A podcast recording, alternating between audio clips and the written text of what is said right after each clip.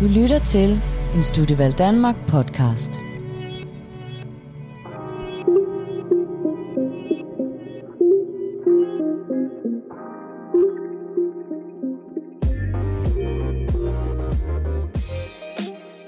Hej og velkommen til Studievalg Danmarks podcast. Et podcast-univers, hvor vi diskuterer, debatterer og informerer om alt med relation til valg af videregående uddannelse og karriere.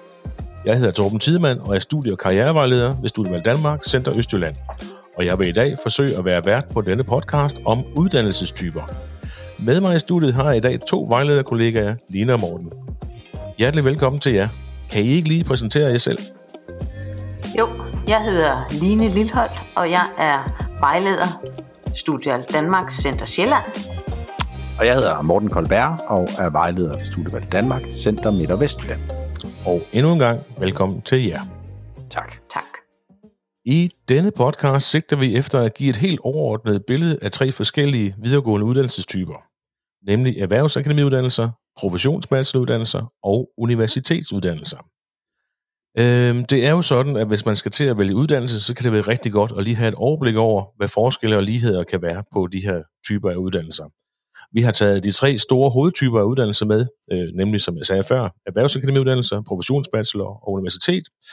Og øh, vi tænker, at når man skal ud og på jagt eller begå sig i at finde en uddannelse for fremtiden, jamen så kan det være godt lige at vide, hvad forskelle og ligheder kan være. Det kan være noget omkring uddannelsens længde, og det kan være noget omkring struktur og arbejdsformer. Det kan være noget om det forskellige former for socialt liv på skolen, og hvordan er undervisningen planlagt. Men det kan også handle noget omkring jobperspektiver og så meget andet. Men altså som sagt, så vil vi prøve at give et overordnet øh, indblik i, hvad forskelle og ligheder kan være på de her tre uddannelsestyper. Og øh, jeg tænker, at hvis vi skulle se at komme i gang, og måske vi skulle kaste os over det, der hedder universitetsuddannelser. Morten, vil du ikke prøve at beskrive forløbet på en universitetsuddannelse? Det vil jeg godt. En øh, universitetsuddannelse består af to forløb, nemlig en bacheloruddannelse efterfulgt af en kandidatuddannelse. I alt var sådan et forløb fem år. Man bruger typisk tre år på at læse sin bachelor, og dernæst to år på at læse sin kandidat. Så øh, som Torben sagde, så er der inden for alle tre uddannelsestyper rigtig mange forskellige. Så det her det er sådan helt overordnet, typisk sådan det foregår. Øhm, hvis man så skal sige lidt mere om struktur, så er en universitetsuddannelse en teoretisk uddannelse. Man vælger et fagområde, man vil fordybe sig i, og så arbejder man med teori og analyse inden for det felt. Man får nogle, det man kalder faglige metoder til at arbejde med og forstå verden gennem det her fagområdes øh, perspektiv. Så øh, en sådan uddannelsestype kaldes også for en akademisk uddannelse. Og det er egentlig fordi, at man ud over sin faglige indsigt, sin faglige viden inden for det fagområde, man fordyber sig i, også får det, man kalder brede akademiske kompetencer. Og det er noget med at kunne projektplanlægge, problemanalysere, tilrettelægge undersøgelser, indsamle og bearbejde data, og så også formidle alt det her, man finder ud af og undersøger og problemknuser.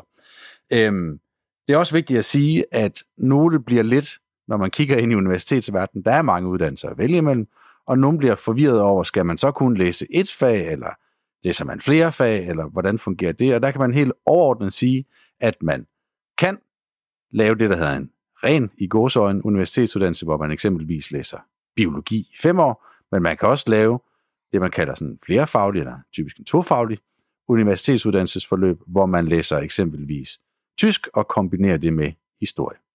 Så man får altså på universitetet et enormt stort fagligt indblik i det eller de fagområder, man fordyber sig i, og så får man også de her brede akademiske kompetencer. Ja, jamen tusind tak for det, Morten. Øh, Line, selvom der findes rigtig mange forskellige universitetsuddannelser, kan man så sådan overordnet og på tværs af dem sige noget om, hvordan sådan arbejdsformerne er på, en, på et universitetsstudie? Ja, altså man kan godt øh, lave nogle overordnede betragtninger. Udgangspunktet vil jeg sige, det er jo, at det er fuldtidsuddannelser. Og hvorfor siger jeg det? Det gør jeg, fordi at øh, der typisk kan være færre tilrettelagte øh, timer, end det man for eksempel kender fra gymnasiet. Øh, det kan være forskelligt fra uddannelse til uddannelse, hvor mange timer der er på de enkelte semestre. Øhm, så kan man sige, at universitetsuddannelser også består af nogle forskellige arbejdsformer. øhm, og der vil være holdundervisning, og der kan man sige, der er det mere, der er betragtet som ligesom dit eget hold. Øh, der er lidt færre øh, på, på den type af undervisning. Så er der også forelæsninger, og der kan være flere hold ligesom sammen.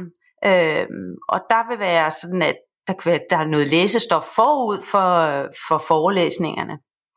Mm. Så er der også nogle uddannelser, hvor der er laboratorie, øh, kan man sige, undervisninger. Der arbejder man ligesom med den teori, som man har, og prøver det af i praksis. Øh, det, der også er kendetegnende for universitetsuddannelser, det er, at der er studiegrupper i, øh, og her er det noget, at man, man bruger hinanden dels til sparring, man kan også løse opgaver sammen. Øh, og hvis der er noget, man ikke lige forstår, så kan man sige, okay, så kan man bruge sin, øh, sin studiegruppe til, til, øh, til sparring.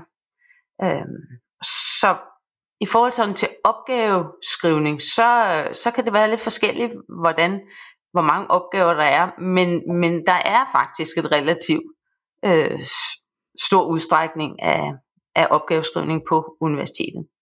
Noget i grupper og noget øh, også selvstændigt. Og så kan man sige, overordnet, så kræver det med, at man går på en universitetsuddannelse en ret stor grad af selvdisciplin og kræver planlægning. Og det hænger jo blandt andet sammen med, at hvis der ikke er så mange timer øh, på et semester, så er det stadigvæk et fuldtidsstudie, og der skal man jo bruge den resterende tid ligesom til også at læse og forberede sig. Så altså selvom der er, det kan se nemt ud på skemaet i forhold til holdundervisning og forelæsninger, så er der altså også det der med at kunne, hvad skal man sige, øh, planlægge og distribuere sin egen tid ud over tid på studiet. Ja. Yeah. Enten det er alene eller i en studiegruppe, at det kræver faktisk, at man holder styr på det. Ja. Yeah. Jamen tak for det, Line. Og øh, så ved jeg også, at det for rigtig mange betyder meget at vide, hvad man kan uddanne sig til. Altså, hvad er det, man skal være ude på den anden side af et studie? Øh, kan man sige noget om det, når man tager en uddannelse på universitetet, Morten? Altså, hvad er egentlig jobperspektivet på den anden side af studiet? Igen starter jeg lige med at sige, at vi generaliserer her. Øh, og, og, og på spørgsmålet om, hvad er jobperspektivet, når man har taget en universitetsuddannelse, så vil jeg sige, det er bredt.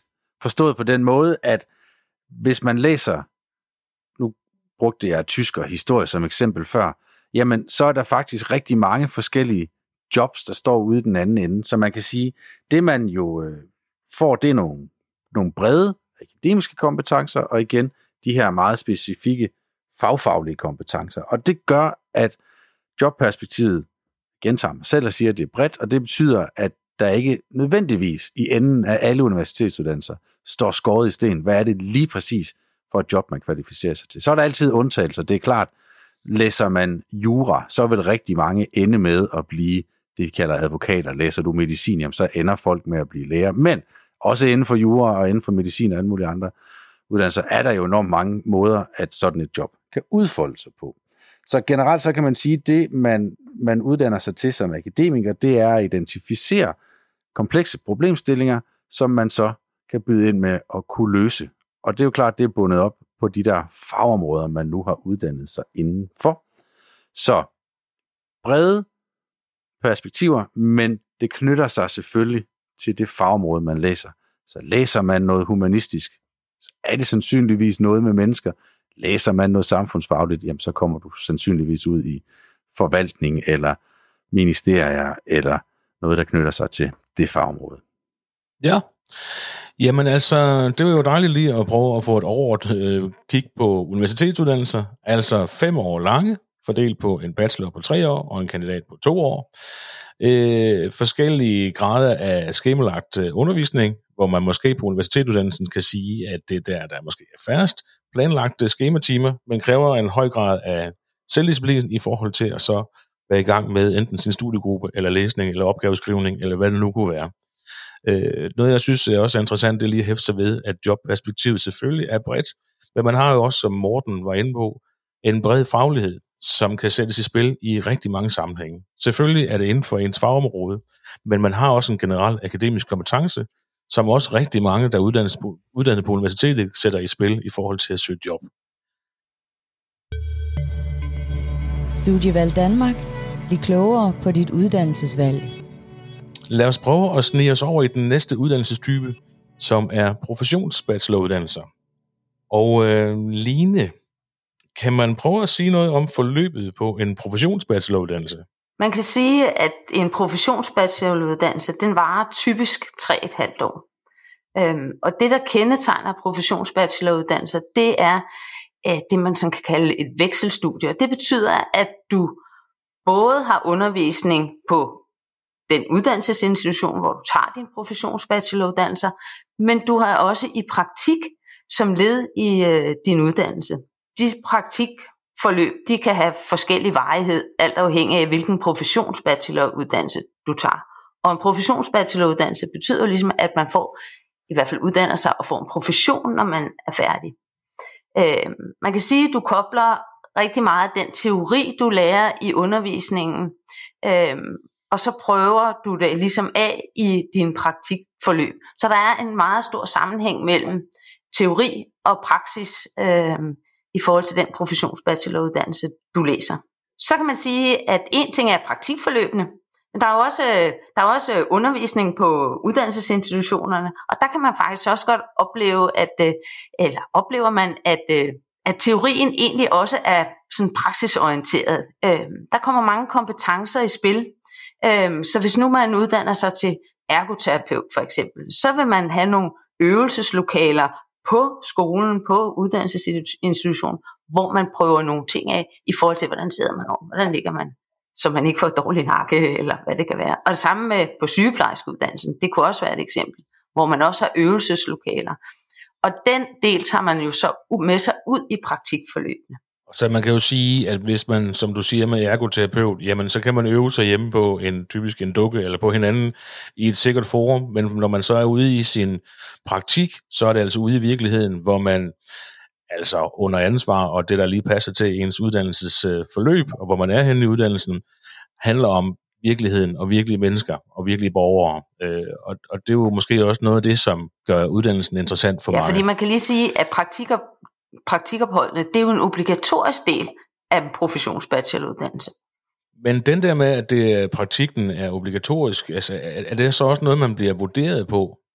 Det er det det er vigtigt øh, at vide om professionsbacheloruddannelserne, at de praktikker, man er i, dem bliver man vurderet på. Man kan sige, at den læring, man får på en professionsbacheloruddannelse, Line snakker om den her veksel, man bliver selvfølgelig præsenteret for noget teori, som lægger sig op af det fagområde, det professionsområde, man, man uddanner sig til og skal skrive opgaver, hvor man anvender det, men man skal altså også ud i praktikker, hvor man bliver vurderet på de, hvordan man præsterer der. Selvfølgelig igen, stadig med en sammenhæng til de her teorier. Øhm, hvis vi skal prøve at snakke lidt mere om undervisning på professionsbacheloruddannelser, og igen, vi generaliserer her, men øh, hvor vi på universitetet hørte, at der er relativt få øh, tilrettelagte undervisningstimer, så vil man på en professionsbachelor typisk opleve, at der måske er planlagt 20-25 lektioner om ugen, altså en 4-5 dage, hvor man er på skolen og modtager undervisning. Så på den måde, øh, så kan det jo minde lidt mere om den hverdag, man kender, hvis man kommer fra gymnasieskolen, hvor der jo også dagligt er planlagt undervisning. Man arbejder altså i hold, og man øh, er i praktik, øh, men man arbejder også tit i studiegrupper, og det gør man for eksempel i forbindelse med opgaveskrivninger på studiet. Øhm, og øh, så kan man sige, at det hedder jo en professionsbacheloruddannelse, og det gør faktisk også, at man skal afslutte sin professionsbacheloruddannelse med at skrive en opgave. Det er et bachelorprojekt. Så lad os lige binde den sløjfe, at man i nogle tilfælde kan bygge oven på sin professionsbacheloruddannelse faktisk skifte over på universitetsuddannelserne og bygge en kandidatuddannelse ovenpå, hvis man har lyst til det. Det er ikke noget, man skal, det er noget, man har mulighed for. Øhm, og der er det selvfølgelig sådan, at ens professionsbacheloruddannelse, den giver adgang til nogle kandidatuddannelser, der logisk har en sammenhæng med det. Nu nævnte Line ergoterapeut, sådan en, en, en professionsbacheloruddannelse kan give adgang til nogle sundhedsfaglige kandidatuddannelser. Og så er vi jo allerede ved at være lidt inde på det der med, øh, når man sådan læser en professionsbacheloruddannelse, jamen ved man så altid, hvad man bliver, øh, når man har læst sådan en professionsbachelor? Man kan sige, at generelt så, øh, så er praksis sådan øh, rimelig velafgrænset, når det er, man, når det er, man læser en øh, professionsbacheloruddannelse. Men selve jobperspektivet kan godt øh, udfolde sig. Så lad os nu sige, at man læser til fysioterapeut. Ja, så er der mange forskellige arbejdsområder, man kan komme til at arbejde med, når man, øh, når man er færdiguddannet. Det kunne være, at man arbejdede på en, en øh, klinik. Det kunne være, at man arbejdede med genoptræning af hjerneskade. Det kunne også være, at man, man, man var tilknyttet et eller andet sportshold med sportsskader. Så selve, selve jobbet kan, kan faktisk øh, bringe meget forskellige jobs med sig, kan man sige, eller uddannelsen kan bringe meget forskellige øh, jobs med sig. Øhm, en andet eksempel kunne være, at man, hvis man nu uddanner sig til bioanalytiker, ja, hvor arbejder man så der? Jamen, der kunne man måske arbejde på et sygehus eller et lægehus. Der har man en, øh, en, ligesom en borgerkontakt. Øh, det kunne også være, at man arbejder på et laboratorie øh, med, med, med en helt anden type inden for det at være uddannet som bioanalytiker. Så man kan sige, at der er mange øh, udfoldelser i forhold til den øh, professionsbacheloruddannelse, som man ender med at tage. Øh, så kan man sige, hvis nu man tænker, nu er man i, arbejder man øh, i, med den uddannelse, man er, har taget og, og er i job, og så tænker man måske, jamen øh, er der så mulighed for også at læse videre, mens jeg er i job? Og der kan man faktisk udvikle sine øh, kompetencer. Der sker det typisk i samarbejde med der, hvor man er ansat. Og der er så noget, der hedder diplomuddannelser og masteruddannelser. Det er betalingsuddannelser, men der, der kan man få bygget på sine kompetencer, og der sker det jo i samarbejde med der, hvor man er ansat, hvor er det, man lige sådan måske kan se, at man øh, kan bevæge sig hen og få bygget oven på sin øh, professionsbacheloruddannelse, samtidig man er i, i fuldtidsjob for eksempel. Jamen altså, professionsbacheloruddannelser, typisk 3,5 år lange. Øh, man øh, uddanner sig til en profession, det vil sige til forskel fra universitetsuddannelserne, sådan overordnet set, jamen så er der en klar sammenhæng mellem det, man læser til, og det, man skal ud og lave på den anden side. Altså læser man til folkeskolelærer, så skal man ud og være lærer på den anden side. Læser man til sygeplejerske, skal man ud og være sygeplejerske. Det vil sige, at der er en lidt mere afgrænset øh, hvad skal man sige, beskrivelse eller idé om, hvad man skal ud og lave efterfølgende. En anden ting er også, at der er mere skemalagt undervisning, øh, end man oplever på universiteterne, men man har samtidig også studiegrupper osv. Og så en af de helt store forskelle, det er jo den her obligatoriske praktik, man skal i, og som man også vil blive vurderet på. Øh, en uddannelsestype, som også tiltrækker rigtig mange, fordi at man veksler mellem det her teoretiske arbejde, og så det med at prøve ting af i praksis. Så det er sådan noget af det helt generelle. Og udover det, at man så også kan øh, i mange tilfælde bygge en kandidat ovenpå. Er du i tvivl? Så kontakt Studievalg Danmark. Skal vi ikke prøve at snige os over i den sidste uddannelsestype, Øh, og Morten, vil du ikke prøve at beskrive forløbet på en erhvervsakademiuddannelse? En erhvervsakademiuddannelse, den var typisk to år. Det lader sig sige, den er noget kortere end de, end de to andre, vi har været omkring. Øhm, det er, som vi lige har hørt på professionsbacheloruddannelse, også et, øh, et vekselstudie, så det betyder altså, at man er i praktik undervejs. Det er en obligatorisk del af det. Øhm, på en erhvervsakademiuddannelse, der er der en nær sammenhæng mellem den teori, man bliver præsenteret for, og de praktiske udfordringer, som man bliver sat i stand til at løse, når man har taget en erhvervsakademiuddannelse. Øhm, de, øh, der findes erhvervsakademiuddannelser inden for nogle forskellige områder.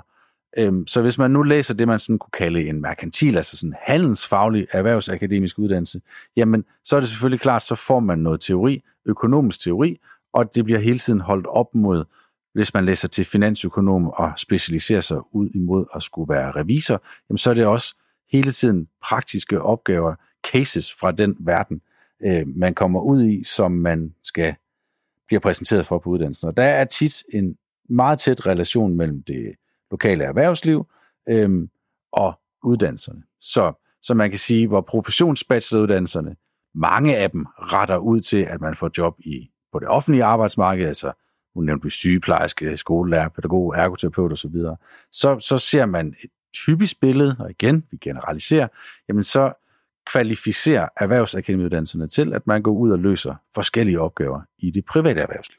Ja, og så kunne jeg godt tænke mig at vide noget om, øh, kan man sige noget generelt om måden under, øh, undervisningen er struktureret på på en erhvervsakademiuddannelse? Ja, det kan man godt, og igen generelt, fordi det kan, det kan også veksle. Men man, man kan man kan overordnet sige, at øh, som Morten også siger, der er, der er en del skemalagte øh, undervisningstimer. Øh, næsten øh, alle ugens dage.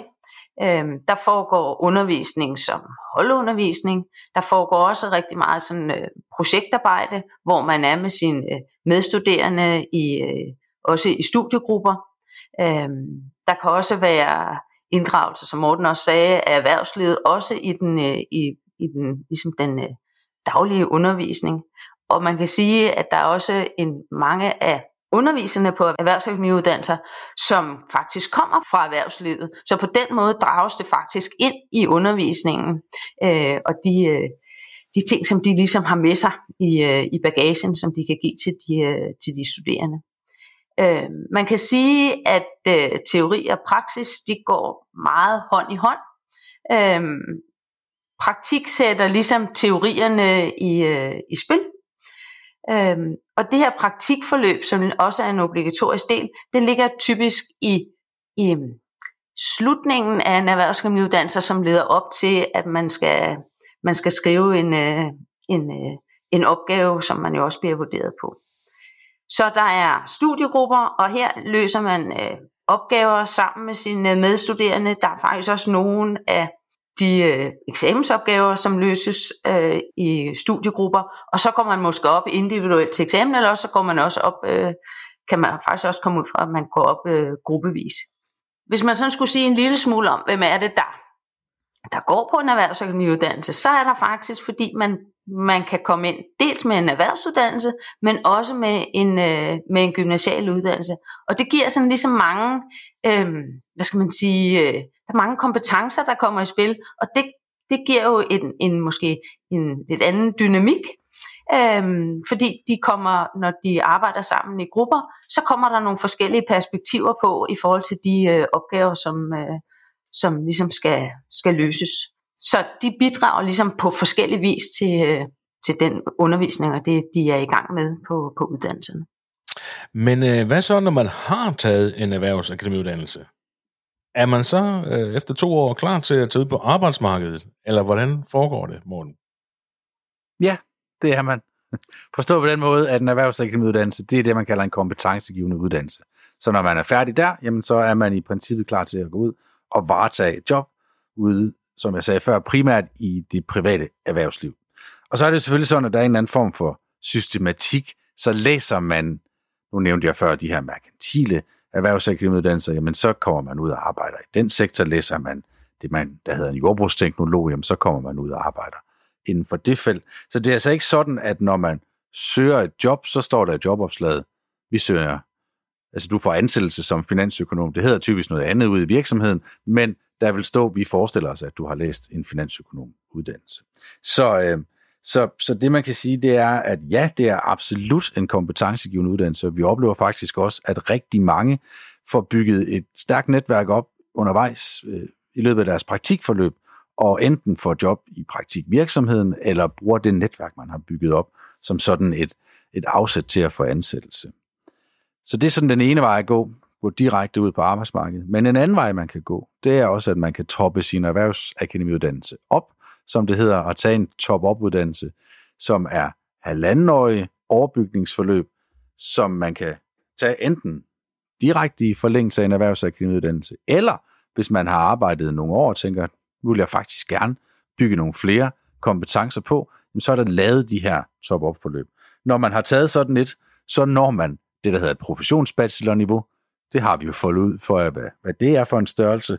Øhm, så man kan sige, der er jo en stor fleksibilitet i det her, med at man kan stige af efter to år, gå ud og bruge sin uddannelse til at få job, eller man kan fortsætte bygge ovenpå og opnå det her professionsbachelorniveau. Ja, mange tak for det. Jeg håber, I lyttere derude har fået et øh, generelt overblik over de forskellige uddannelsestyper, altså henholdsvis universitetsuddannelser, professionsbacheloruddannelser og erhvervsakademiuddannelser. Der findes jo også andre typer, for eksempel inden for politi og forsvar og kunstneriske uddannelser osv. Dem vil vi prøve at tage op i et senere afsnit. Men altså, de her tre typer håber vi, vi har fået et overblik over, så I kan finde nogle pejlemærker og gå ud og gå på opdagelse i uddannelsesverdenen med. Uh, endnu en gang så vil jeg sige tusind tak til Morten Koldberg og Line Lilleholdt, fordi I gad være med i dag. Og til jer lyttere er der kun tilbage at sige tak, fordi I lyttede med. Studievalg Danmark. Vejledning nær dig.